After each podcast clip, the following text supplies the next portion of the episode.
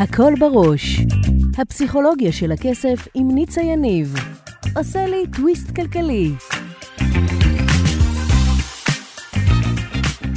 ברוכים הבאים לפרק נוסף בפודקאסט הפסיכולוגיה של הכסף עם ניצה יניב. גם היום אנחנו הולכים לעשות טוויסט בחשיבה, לדבר על מערכת היחסים שלנו עם כסף ועל חסמי כסף, וגם לגלות איך תת המודע שלנו מנהל אותנו ואיך ליצור הצלחה כלכלית. יישארו איתי, מיד מתחילים.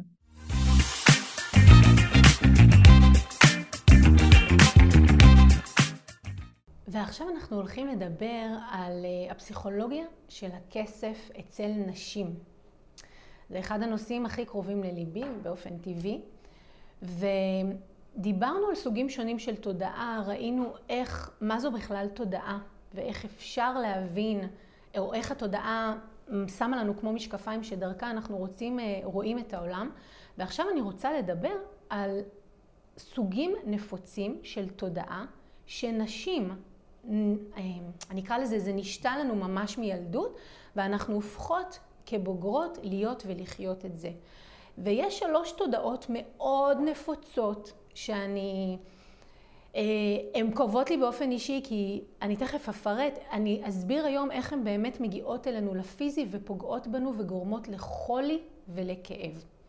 אז התודעה הראשונה שאני רוצה לדבר עליה, שנשים הותנו לחשוב מילדות, היא תודעת נתינה. הם גדלו בבתים ובבתים שהם גדלו בהם אה, היה אחת הדוגמאות שהם ראו שזה עוד סוג של תודעה זה האימא בדרך כלל שהאימא מאוד מקריבה האימא נותנת מעצמה אה, היא הרבה פעמים מובנת מאליה בבית אה, היא עושה ולא תמיד מעריכים או אולי אפילו מדברים לא יפה והנושא הזה של תודעת הקרבה הוא מאוד מאוד חזק ועובר מדור לדור אצל נשים. ויש איזה ניסוי חברתי שנערך, אה, שמו שטר על הרצפה ונתנו לנשים למצוא אותו ולגברים.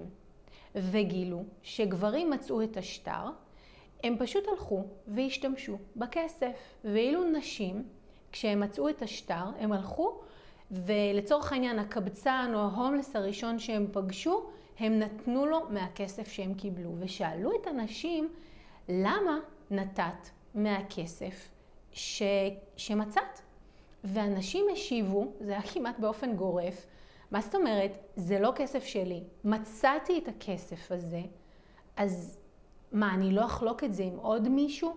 והנושא של לחלוק, שהיה מאוד מאוד חזק, אה, בוא נגיד 80, שנות 80, 90, 2000, עדיין היום, בהרבה בתים אומרים לילדים, אה, אה, למה אתה אוכל לבד? תן לו גם, תחלוק איתו. והילד לפעמים אומר, אבל בכלל לא בא לי. בנות שנוטות יותר לציית ולרצות, עוד יותר קל להם לוותר על עצמן ולהקריב ולתת, ולו משום שהן רוצות להיות בסדר, אני קוראת לזה תודעת הילדה טובה. הן רוצות להיות ילדות טובות, לא להרגיז אף אחד, להיות בסדר עם כולם, אז הן פשוט נותנות.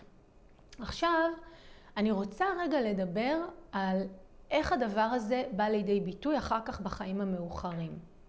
בואו נדבר שנייה על סרטן השד. אה, כל הנושא של חזה והנקה הוא ראשית הזנה. אימא מניקה נותנת לילד ממנה, מעצמה.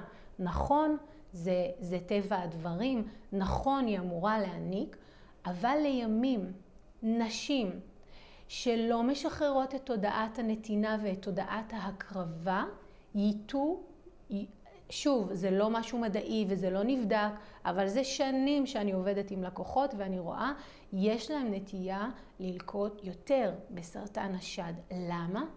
תשימו לב, כל האזור הזה של פלג הגוף העליון, הרי כל התנועה של נתינה, כשאני מוציאה ממני ונותנת החוצה, אני מגישה את היד, בין אם זה יד ימין או יד שמאל.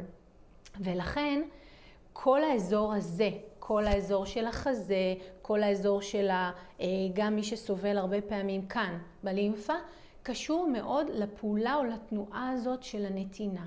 ולמעשה, כשנשים סובלות מגוש, או שהן חולות באזור הזה, מה שיקרה יהיה, שהידיים, מטבע הדברים כשאנחנו חולים, אז יש יותר קיבוץ, יישארו קרובות לגוף.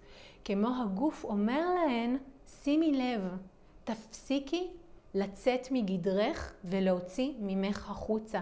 תשמרי את הידיים קרוב אלייך, תני לך, תעשי עבורך, תעשי בשבילך, וזה מדהים אותי בכל פעם מחדש לראות שנשים שעברו, אני קוראת לזה התעוררות, אה, עברו או צלחו את המקום הזה של המחלה הזאת, בעקבות המחלה עושות איזשהו שינוי פנימי מאוד עמוק, והולכות לעבוד על עצמן.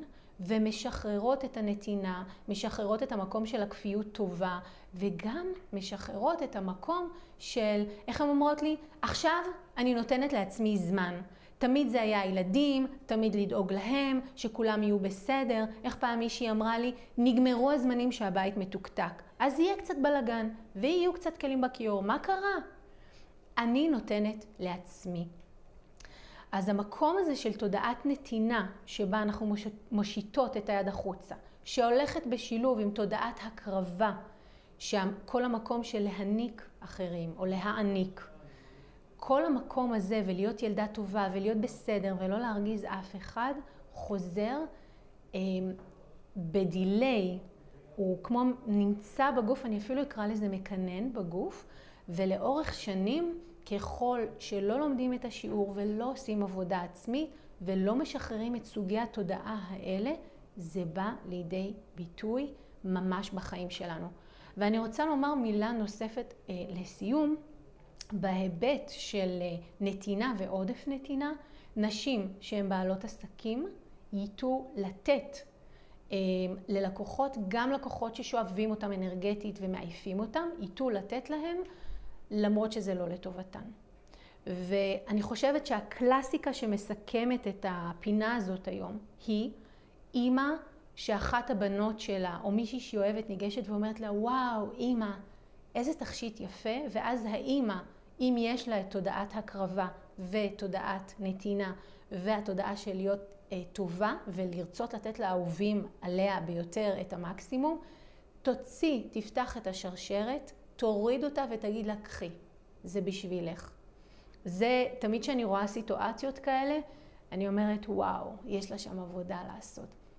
אז אם יצא לכם לעשות פעם את זה בחיים, שמישהו שמאוד אהבתם ראה חפץ או פריט עליכם שהוא מאוד יפה, ובאופן טבעי הורד, הסרתם אותו ואמרתם לו, כך, תזכרו את האמירה שלי.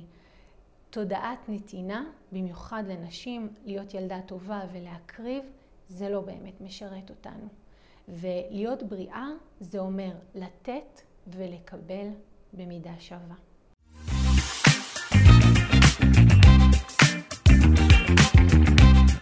אם אהבתם את הפרק, שתפו אותי למה התחברתם, ממש מעניין אותי לשמוע. אם בא לכם ללמוד עוד על הפסיכולוגיה של הכסף, הנה המקומות שאתם יכולים להתחיל בהם. באתר ניצayaniv.com תוכלו להזין לתוכנית הרדיו השבועית שלי שנקראת הכל בראש וגם להצטרף לקבוצת הפייסבוק שלי הפסיכולוגיה של הכסף עם ניצה יניב. אם אתם עדיין לא עוקבים אחריי בפייסבוק, באינסטגרם או ביוטיוב זה בדיוק הזמן לעשות את זה. אלה מכם שרוצים להעמיק אתם יכולים לפגוש אותי אחת לחודש במפגשים הקבוצתיים לאימון בלייב או להצטרף לקורס המקיף לשחרור חסמי כסף. תמיד תזכרו, השינוי שלכם עם כסף מתחיל כאן, במקום שבו כסף ותודעה נפגשים. ניפגש בפרק הבא.